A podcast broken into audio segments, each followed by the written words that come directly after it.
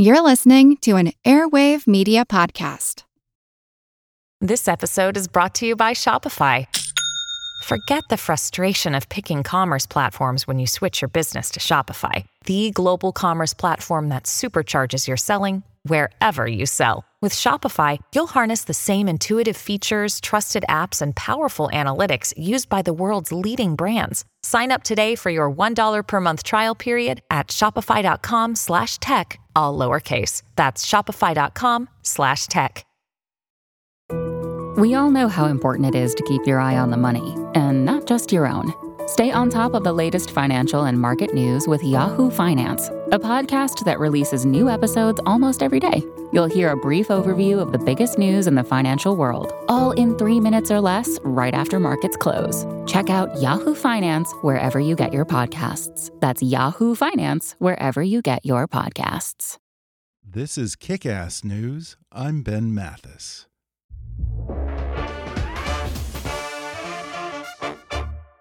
Faculty and students at Rochester Institute of Technology recently built a robot fish. Why? Because it could lead to a new wave of prosthetics. Now everyone's hooked. At RIT, the creative team of engineers is on to something life changing. Learn more about the project at rit.edu/slash kick.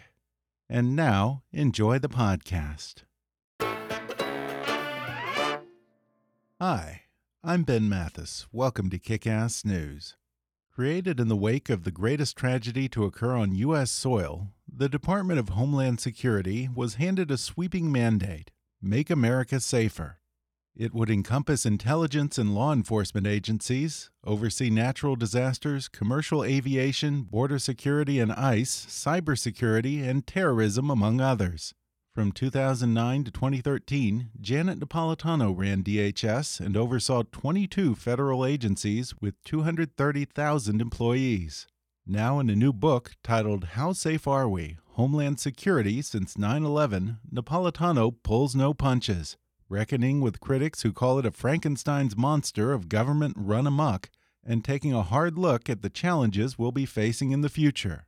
And today, Janet Napolitano comes on the podcast to discuss her own experience as Arizona Attorney General on 9 11 and what it was like to assume the heavy burden of protecting America when she took over as only the fourth Secretary of Homeland Security less than a decade later. She likens her former job to finding a needle in a haystack and warns that the best approach isn't just to burn down the whole haystack. She reveals how the department quickly evolved to address Terrorism 2.0 but how, even in her darkest imagination, she says she never could have envisioned a hostile foreign government interfering in a U.S. election. She takes to task politicians who are more interested in what she calls security theater than actual homeland security. And then the former border state governor has a few choice words for President Trump on immigration and explains how the concept of pushing out the borders stops bad guys and bad things from entering our country long before they even get here. Plus, she shares how she's working to address the college admissions scandal in her role as president of the University of California Board of Regents, and what's the worst part about spending a day as a TSA screener. Coming up with Janet Napolitano in just a moment.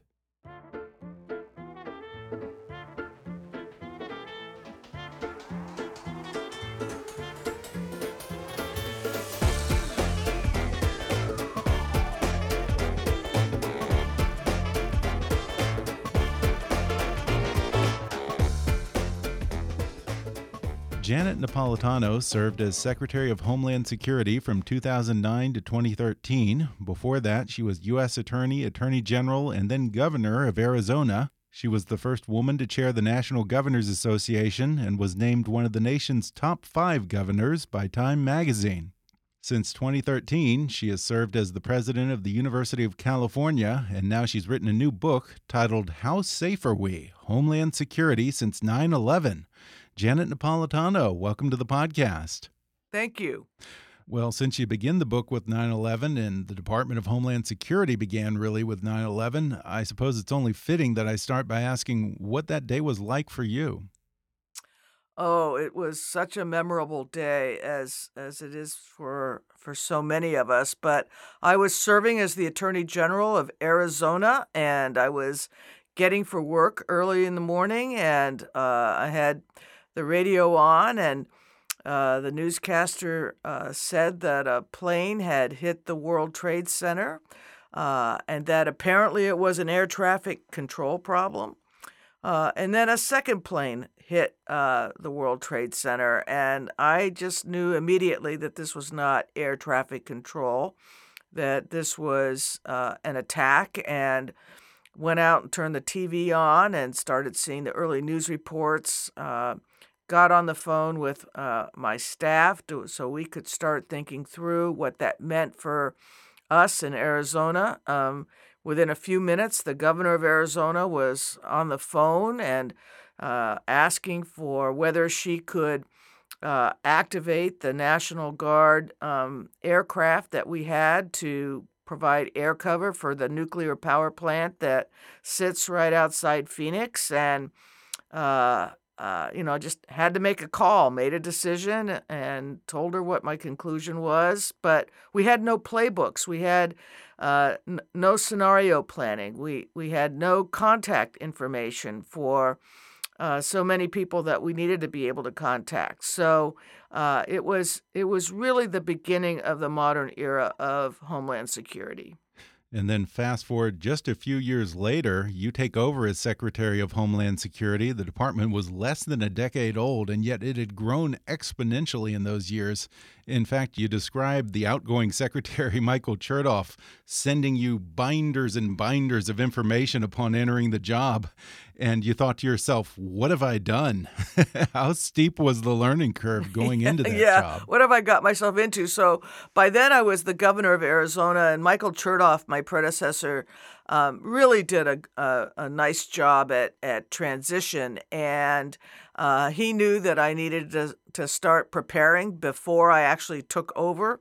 Uh, and I remember peeking out the door of my governor's office, and there was a fellow uh, pushing a dolly of these three inch binders uh, down the corridor to my office, and they were all prep materials for taking over DHS. And one of the things I, I recall so distinctly was on the top of the stack was uh, like a, a, a half inch thick single spaced document of acronyms used in the Department of Homeland Security. And I used that as a cheat sheet, not just in the transition, but uh, for many months thereafter.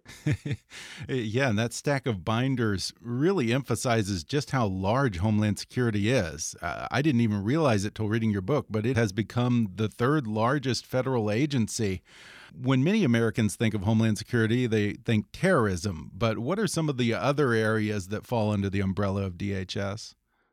Well, so in addition to uh, terrorism, uh, cybersecurity for our critical infrastructure falls within DHS. Uh, planning for pandemic falls within uh, DHS. All sorts of uh, transportation security falls within DHS. Immigration enforcement falls within DHS. Disaster response and recovery, FEMA, is part of DHS. The Secret Service is part of DHS, so presidential protection. So it is a very uh, broad and wide sweeping agency with lots of jurisdiction, some well known, some not so well known. Uh, yeah, it sounds like you really have to be a jack of all trades in that role. And, and, I wonder how you approach the relationships with these other agencies, whether it's the FBI or Secret Service or Border Protection, in, in the sense that you, by nature, cannot be an expert on every area that is overseen by this giant behemoth Department of Homeland Security. So, did you ever have friction when you had other agency heads who maybe thought themselves the expert on their particular issue? Sure. And, um, you know, DHS was, even though it was the third largest uh, department of the federal government, it was uh, the youngest. It was still the young kid on the block. And uh, so uh, just making sure that we uh, had a seat at the table, that we were at the right tables where decisions were being made, uh, was a constant effort uh, while I was secretary. And that's just part of the growth and evolution of really what was the largest reorganization of the federal government since the creation of the Department of Defense after World War II. And of course, as head of DHS, you rarely get credit when things go right. The public will probably never know that side of it, but God forbid something goes wrong or someone gets hassled at the airport and the media, a whole host of uh, congressional oversight committees come gunning for you. Is it a little bit of a thankless job in that sense? well, it can be, and and uh, congressional oversight is one of the issues. You know, I discuss in the book because uh, uh, on any given day, there's 110 some odd committees and subcommittees of the Congress uh, that still exercise some form of jurisdiction or oversight over the department. Interestingly enough, uh, in the 9 11 uh, commissions, uh, going back and, and looking at what of their original report recommendations had been adopted. The only one that there had been no progress on was reform of the congressional oversight process. and what that meant was that in almost five years at, at DHS, I actually testified before Congress some 55 times. And members of my staff uh, were testifying all the time as well. It's an enormous expenditure of resources uh, to be responsive to, to that amount of uh, oversight by by the Congress. And people liken DHS's job to finding a needle in a haystack. That is one very, very big haystack, I have to say. There are a few different ways that one can go about it. What was your strategy to that haystack? Well, uh, um, it, it, was really to uh, to focus on uh, shrinking the size of the haystack um, mm-hmm. uh, to uh, be able to uh, determine as early as we could, for example, uh, on air travelers uh, who who were travelers that we had enough information about that we would be confident that they were no security risk to air travel uh, and we could uh, put them in an expedited line. That's how we invented PreCheck, um, TSA PreCheck. Um, uh, was part of that shrinking the haystack uh, methodology. Um, uh, we also created something called the National Targeting Center, uh, which is an amazing facility uh, that literally processes billions of data points on a daily basis about passengers and cargo and transit uh, around the world, um, all designed to be able to identify that which is uh, uh, safe to be at our borders, approaching our borders, and that which needs further exploration an interesting thing that you talk about in here called pushing out the borders that relates to not just terrorism, but smuggling, illegal immigration, and lots of things. Uh, can you explain a little more of the idea behind that? Sure. So the the idea is uh, that if we wait till um, uh, a dangerous passenger or dangerous uh, cargo is at our physical borders, um, we've we've actually waited um, too long, and that our our efforts really need to be international in scope. Uh, so that, uh, for example, there's a lot of discussion about uh, the southwest border today, sure. Uh, but but uh, we made real efforts to uh, focus resources and attention on Central America and on Mexico uh, to assist them in controlling uh, illegal immigration transiting Mexico to get to the United States. You know, uh, one time, uh, this was Christmas Day of 2009, we had the so called underwear bomber, and this was a, sure. an individual who uh, got on a plane in uh, Nigeria, transited through Schiphol Airport in Amsterdam. Uh, flew to Detroit with explosives in his underwear that he was planning to detonate as soon as he entered U.S. airspace. uh, and uh, he he did try to uh, detonate the explosives. Uh, fortunately, the passengers on the plane, the flight attendants, were able to put out the the fire that he caused, and he was apprehended, prosecuted, etc. But we discovered in kind of reverse engineering how he was able to get so far in the global aviation system uh, with explosives in his underwear that we actually had a lot of derogatory intelligence about him uh, well before he got on the plane. But the the policy and practice of uh, Customs and Border Protection at the time was that um, you would um, conduct your inquiry of that individual once they actually landed in the United States. Well, that's too late. Um, and so we embarked on an international aviation tour around the world, actually, to tighten up on global aviation standards so that uh, a person uh, for whom we had that kind of intelligence wouldn't be allowed to actually board a plane for the United States uh, without at least getting a secondary inspection. And of course, something like this also brings to mind some of the less successful programs like Trump's attempt at a Muslim ban. In screening for terrorists, he has placed a heavy emphasis on passengers' nationality and their last point of departure. Are there other more important considerations when you're looking at that? If you're looking at nationality, which is what the Muslim ban um, is, uh, you actually haven't shrunk the haystack. Uh, you, you've made you've made a very large haystack in, in which you're trying to find the needle. Um, uh, a much better approach is an intelligence focused approach where uh, you have information, data about passengers, uh, so you can individually evaluate whether they pose a risk or not. Um, you know, if you do it by nationality um, or uh, last point of departure, uh, those who seek to do us wrong, uh, terrorists in waiting, uh, they're smart enough to figure that out and they'll just plan their routes around that. So you've got to have a different and better way.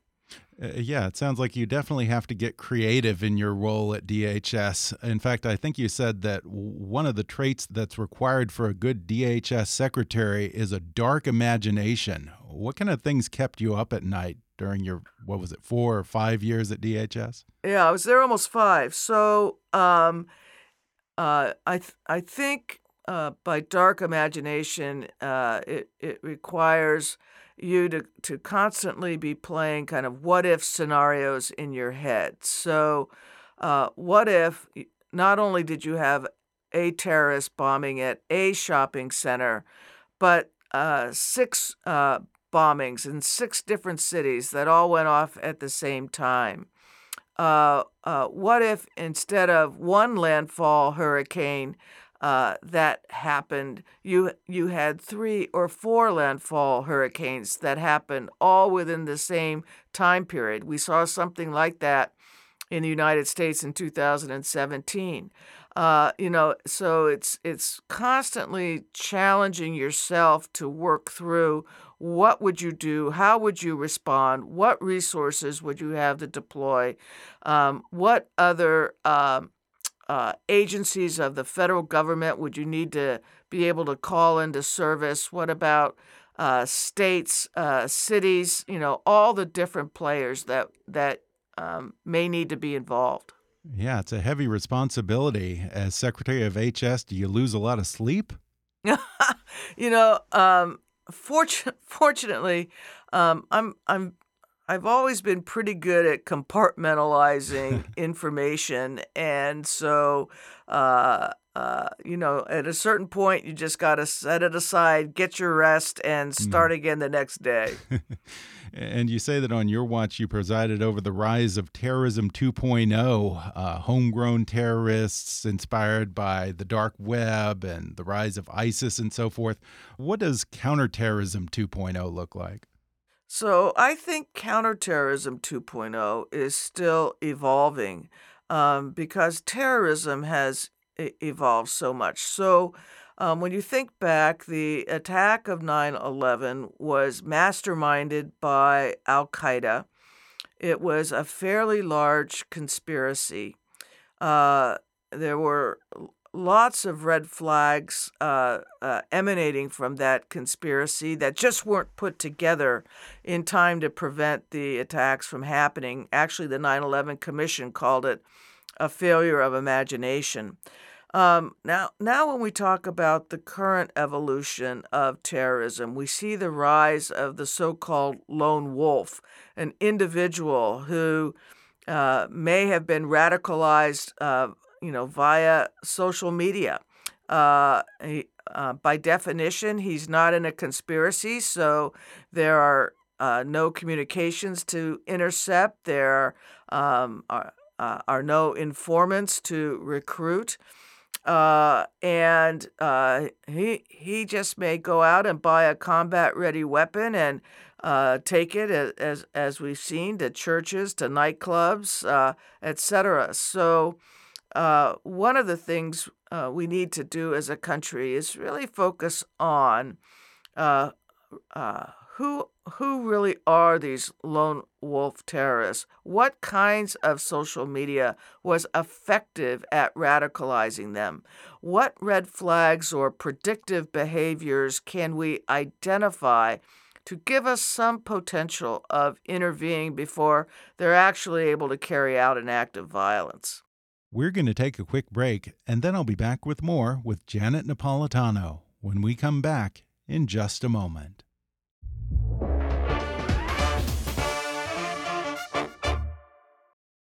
Today's episode is brought to you by Kronos. Kronos knows that for many organizations, maintaining a modern workforce of hourly, full, and part time workers can be a challenge. This is especially true for human resources professionals working hard to attract and retain all the best talent. That's why Kronos puts HR, payroll, talent, and timekeeping on a single cloud based platform. It's one specifically designed to give HR professionals supporting a blended workforce a whole new level of confidence. With Kronos, they have everything they need to tackle nearly any human resources challenge and are empowered to not just find and hire the right people, but to engage, motivate, and reward them every step of the way. Learn more about Kronos HR solutions for the modern workforce and the people who support them at kronos.com/hrswagger. That's kronos.com/hrswagger. Kronos, workforce innovation that works. If you don't know SiriusXM, then listen up. SiriusXM brings the deepest variety of commercial free music for every genre and for every mood. Where you hear the biggest names in talk, entertainment, and comedy, where you get news from every source. A lot of people think you need a car to enjoy SiriusXM, but you don't. You can listen outside the car. Right now, you can get your first three months of SiriusXM outside the car for just $1. Just go to SiriusXM.com slash kick to see offer details and subscribe. For $1, you can listen to SiriusXM on your phone, at home, and online. So anywhere you are, any time of day, you can hear your favorite songs or discover new ones. Go to Sirius, S-I-R-I-U-S, X-M dot com slash kick and get the first three months of SiriusXM outside the car for just a dollar. See offer details. Offer available to new SiriusXM streaming subscribers. SiriusXM. No car required. Don't miss Hulu's all new original series, Ramy, now streaming only on Hulu. Based on the real life experiences of comedian Ramy Youssef, this groundbreaking comedy series takes viewers into the world of a first generation American Muslim on a spiritual journey in his politically divided New Jersey neighborhood. Ramy brings a fresh, new perspective to the screen as the series explores the challenges of what it's like to be caught between an Egyptian community that considers life a moral test and a millennial generation that thinks life has little to no consequences. The series features postmodern meditations on love, work, and identity through the eyes of a modern day Muslim American millennial and his family, and explores how challenging it can be to find deeper meaning in today's hyper connected world be sure to catch Hulu's all new original comedy series, Ramy. All episodes now streaming only on Hulu. And now, back to the podcast. we are now seeing domestic lone wolf terrorists, not just inspired by ISIS, but inspired by white supremacist hate groups. Uh, now, way back in April 2009, DHS released a report on right wing extremism warning about the rise of violent hate groups. You caught a ton of flack from the right wing media at the time for that. I don't want to ask you if you feel vindicated by recent events, but do you feel like some of the mass shootings and the white supremacist hate crimes over the past few years might have been preventable if more people had taken that report seriously? You know that that's hard to say. Um, I I took uh, uh, flack for that report because it mentioned in a footnote that uh, returning military members uh, might be particularly susceptible to uh, uh right wing uh, extremist recruitment. And mm-hmm. the veterans groups in the country were very upset by that characterization uh, of veterans. And um, look, look, the Department of Homeland Security has literally thousands of veterans uh, uh, in its ranks. And uh, we work very closely with the Department of Defense and, and, and military. The Coast Guard, which is a branch of the military, is actually part of the Department of Homeland Security. Um, but, uh, you know, it was the, the, the, politics of it um, uh, and uh, the situation was such that um, uh, I had to apologize for the report. Uh, we had to withdraw and uh, uh re- rewrite it. Um, but unfortunately, the report was somewhat prescient. And whether if it had garnered more deep attention as opposed to the one comment about veterans, and whether that would have enabled us to prevent some of the uh, attacks we've seen in recent years, uh, I, I just don't know. And yet, it's a good example of how, in your role, you had to use your dark imagination and you had to game out all possible scenarios. I wonder, in your darkest imagination, did you ever foresee the possibility of a hostile foreign state interfering in a U.S. election? No, no. And, um, uh, you know, I'll, I'll tell you, um, so when I began as secretary in 2009, I spent maybe I don't know, 10% of my time on cybersecurity related matters. By the time I left, it was a good 40%. Uh, and it probably is greater for the current secretary now if they're really focused on the true risks facing our country.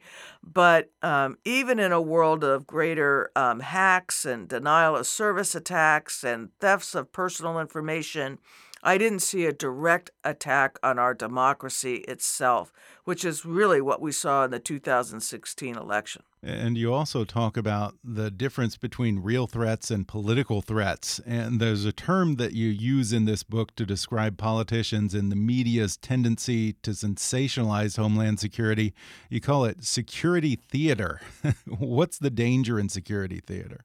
The danger in security theater is distracting us from focusing on the real risks that imperil the safety and security of Americans. So, what's an example of security theater? Security theater is focusing everything on uh, caravans of Central Americans presenting themselves for asylum at the southwest border and uh, putting all your um, uh, efforts into building a wall uh, and uh, not putting enough energy, effort, and attention on things like cybersecurity, things like the security impacts of global warming, of climate change, things like the rise of mass gun violence. And those are the three categories of risks I think are the most preeminent today and really deserve focus, not, not the security theater of the mm-hmm. wall. Since you brought up immigration, when you took over as Secretary of Homeland Security, how much did your experience as an attorney general and a governor of a border state influence your approach to immigration? Oh, I think it had a, a, a lot of influence. Um, I recognize, you know, I grew up in New Mexico, another border state, and spent most of my adult life in Arizona. Uh, the border is a zone, and it's a, a zone uh, through which uh, thousands of trucks and cars pass every day. Uh, Mexico is our third leading trading partner. Uh, it uh, we have families that live in communities on both sides of the border. People are going back and forth all the time. And uh, really, what we ought to uh, be talking about is how to make that a more efficient border, uh, efficient at the ports of entry, uh, and adding technology and manpower between the ports of entry to allow us to apprehend those who are crossing illegally into our country.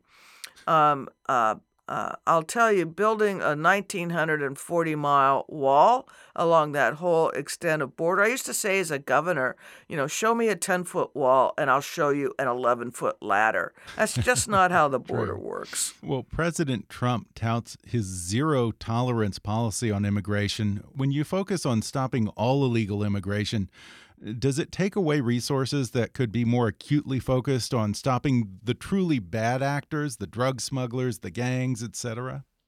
Sure. So the zero tolerance policy uh, was announced by then Attorney General Sessions, and it and it basically said that anyone caught crossing the border would be put into criminal prosecution, not into civil deportation proceedings, but into our our country's uh, federal courts to be prosecuted by assistant U.S. attorneys. Uh, that by itself uh, takes those AUSAs a- away from handling cases involving the cartels, involving gun smuggling, uh, involving uh, child sex trafficking, you know, those kinds of serious crimes that occur along the border. Um, and in the meantime, uh, you are um, having to separate children from their parents because children can't go into custody on the criminal side, can't keep families together, uh, and you're you're basically uh, uh devoting uh, federal judges and magistrates to handling what are at maximum misdemeanor cases. Um, and uh, so, from a, just a prosecution strategy perspective, it makes no sense. There are so many better ways to handle the issues at the border today. You had some what you called limited miserable experiences with family detentions during the Obama era. Are you sort of amazed at the callousness with which the Trump administration approaches that same issue now? Yes. Um, we, you know, we did on rare occasions have to separate children from the adults they were found traveling with. Um, uh, usually, these were situations where the adults were not related to the children, um, where there was some indicia of human trafficking going along, something of that sort, where we really had concern for the safety of the child. But to adopt a uniform policy that required thousands of children to be separated from their families and to have no process or uh, system in place for reunification of those families. Um, it was just it was contrary to our values and and just systemically government malpractice. And within the context of homeland security, privacy and security are often seen as having a push and pull relationship. Do you think that there's a world in which these two interests aren't a zero sum game? Yeah, I do. Um, and uh, um, you know, the, the Department of Homeland Security actually has a chief privacy officer who has a staff. Um, and we uh, tried to take privacy concerns into account anytime we were conceiving of a new technology or new protocol uh, involving security so that it, it wasn't a push pull as you uh, as you state but uh, we called it privacy by design uh, and that was in, incorporation from the get-go uh, how how to make sure that we were not unduly infringing on people's personal privacy. So I'll give you an example. So uh, those full body scanners at airports, um, when they initially rolled out, uh, the technology uh, required almost a, a, a, photograph of the person being uh, inspected, and uh, um, people really rebelled against you know that kind of intrusion. Uh, and you know there were concerns about their images being uh, uh, susceptible to being stolen. Um, uh, that um, you could see individual body parts, etc. Um, but we had already written into the contracts for the body scanners that uh, as soon as the technology uh, uh, was there, that we would move to basically an outline of an individual, um, and that the person uh, reviewing the image would not be right at the body scanner, but would be elsewhere, and that the technology would not be susceptible to being uh, put onto a, a, USB or some other drive and, and taken away from the airport and that the images would not be stored. So we had already incorporated privacy by design uh, into uh, that technology. And particularly when it comes to our personal information, we're extremely protective depending on who it is who's asking. Do you find it peculiar that Americans have this visceral reaction to any government infringement on their data privacy, and yet most Americans willingly give private companies all kinds of access to their personal data, sometimes without even realizing it. Yeah, uh, I I found that and continue to find that uh, a real irony. Um, there's so much of our personal information that uh, we give up to Amazon or Facebook or what what have you. Um, but if it's the government that's getting it, that's an- another kettle of fish. Julian Assange was recently arrested and is pending extradition to the U.S. What do you think should happen to him? Oh, I think he should be prosecuted. Yeah. Um, I know that this is being characterized by some as a, a freedom of the press issue and that he was merely during the work of an investigative journalist. Um, but the way I view it, uh, he he was uh, conspiring in the intentional hacking of uh, personal information that uh, he he was not entitled to, and that's a crime. Do you feel confident that we're safer today than when you left in 2013? Well, I think we're certainly safer than we were uh, on 9 11 in some areas. For example, um, I think it's I- impossible for uh, um, a 9 11 style attack to succeed in the United States anymore. Um, mm-hmm. the, the corrective actions taken uh, that would, um, A, um, uh, help us connect the dots before such a conspiracy could even be effectuated, uh, but B, protect the airplane itself. Um, uh, you, cl- you, know, you now close the cockpit door, and passengers don't have access to the cockpit. So, right. um, you know, so we, we, we've kind of moved beyond that. Yeah. Um, but uh, even as we've solved uh, security problems as they they've uh, uh, arisen. Uh, new ones constantly appear. So, just as we were discussing earlier, even terrorism itself is different now than it was in certainly in 2001, and actually uh, uh, in terms of 2009, it constantly changes.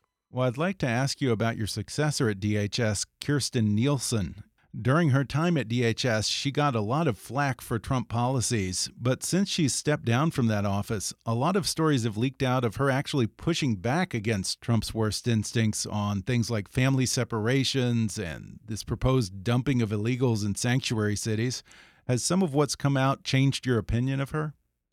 Well, I, I think she was um, in an impossible situation. Mm -hmm. um, uh, and um, uh, she certainly became an advocate for uh, the the family separation policy. She may have uh, fought it at the outset, but um, uh, she certainly did a lot of media about it after the fact.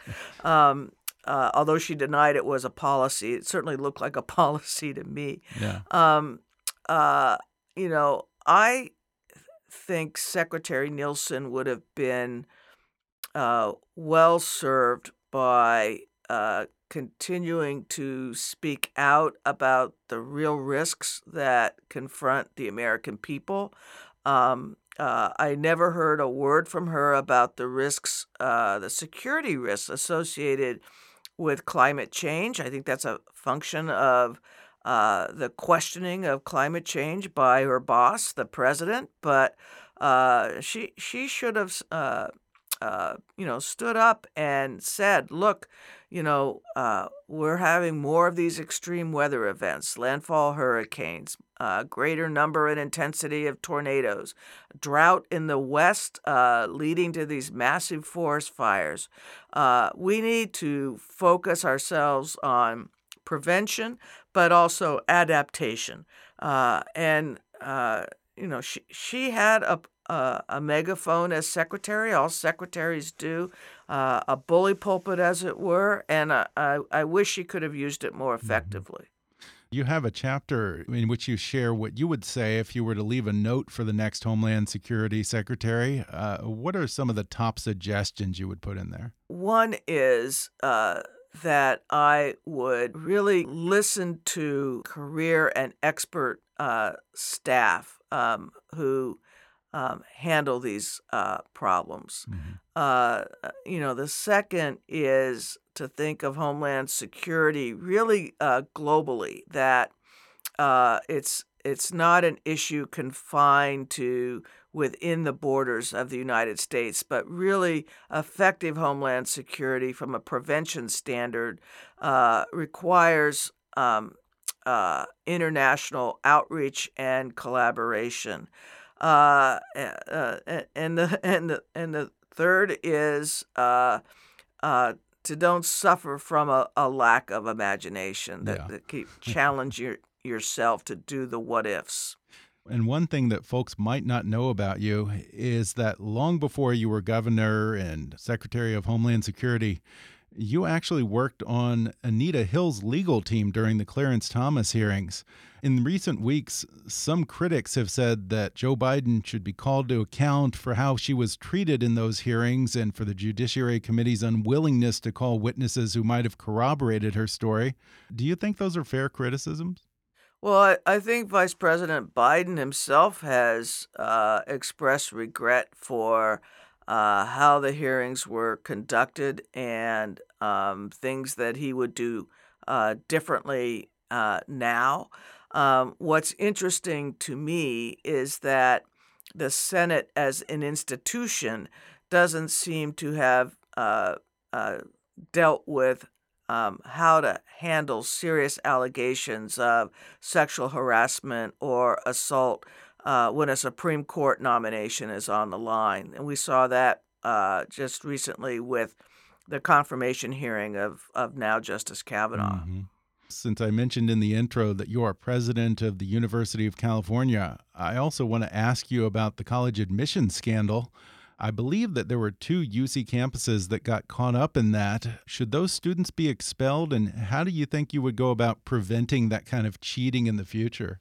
action has been uh, taken with respect to a student who was currently enrolled, uh, now no longer enrolled at the university, uh, and uh, with respect to a uh, student um, who we think was improperly admitted, going back now and analyzing whether the student's degree should be withdrawn. Uh, look, we're a public university, and uh, we get more applications than any other university system in the country. Uh, we don't do legacy admissions. Uh, that is, you don't get an advantage if your parents or your aunt or uncle, whatever, went to one of the University of California campuses. Uh, we don't do donor related admissions. Um, uh, um, but nonetheless, uh, we need to turn very square corners to uh, make sure the public has confidence that uh, uh, admissions are done based on the applicant's Mhm. merits. And so uh, we are conducting our own internal um, uh, investigation of uh, how the campuses are handling admissions, what kinds of checks and balances we have in the campuses. Uh, for example, for categories of special admissions, um, athletes, musicians, you know, students with other talents who come in because they're recruited by a particular program. Uh, to make sure that they are eligible for the university and attend the university uh, under honest um, uh, and accurate um, uh, pretenses. Uh, and so we're in the process of that uh, investigation now. Um, and if we need to change any policies or practices to tighten up at any of our campuses, we will do so because, you know, we're a great public university. We want people to have confidence that uh, applicants all get a fair shake. Well, I've enjoyed our conversation, and I want to wrap up here by asking about the time that you spent Thanksgiving as a TSA screener at Reagan International Airport. What was the worst or hardest part about screening passengers? Oh, So yeah, I worked the shoe line uh, at boy. uh, Reagan Airport on the Wednesday before Thanksgiving, uh, the most heavily trafficked day of the year, and I came away. I I spent a couple hours on the line, and um, not even a full shift. And I must say, I came away. I was exhausted, and I really appreciated what our TSA agents go through on a on a daily basis. And I've never seen so many different kinds of shoes in my life. I'm sure. Well, once again, the book is called How Safe Are We? Homeland Security Since 9 11. Janet Napolitano, thanks so much for talking with me. Thank you. That's awesome. I really appreciate the time. Thanks again to Janet Napolitano for coming on the podcast. Order her book, How Safe Are We? Homeland Security Since 9 11 on Amazon, Audible, or wherever books are sold. If you don't know SiriusXM, then listen up. Commercial free music, plus sports, talk, comedy, and news, they have it all. And right now, you can get your first three months of SiriusXM outside the car for just $1. Go to SiriusXM.com slash kick to see offer details and to subscribe. That's Sirius, S-I-R-I-U-S, XM dot com slash kick. Offer available to new SiriusXM streaming subscribers. SiriusXM. No car required. Be sure to subscribe to Kickass News on Apple Podcasts if you haven't already. And if you like what you're hearing, then rate and review us while you're there. Five star reviews are the easiest way for new listeners to find us. Don't forget to like us on Facebook and follow us on Twitter at, at KickassNewsPod. And feel free to email me with your thoughts, questions, and suggestions at comments at kickassnews.com. Until next time, I'm Ben Mathis, and thanks for listening to Kickass News.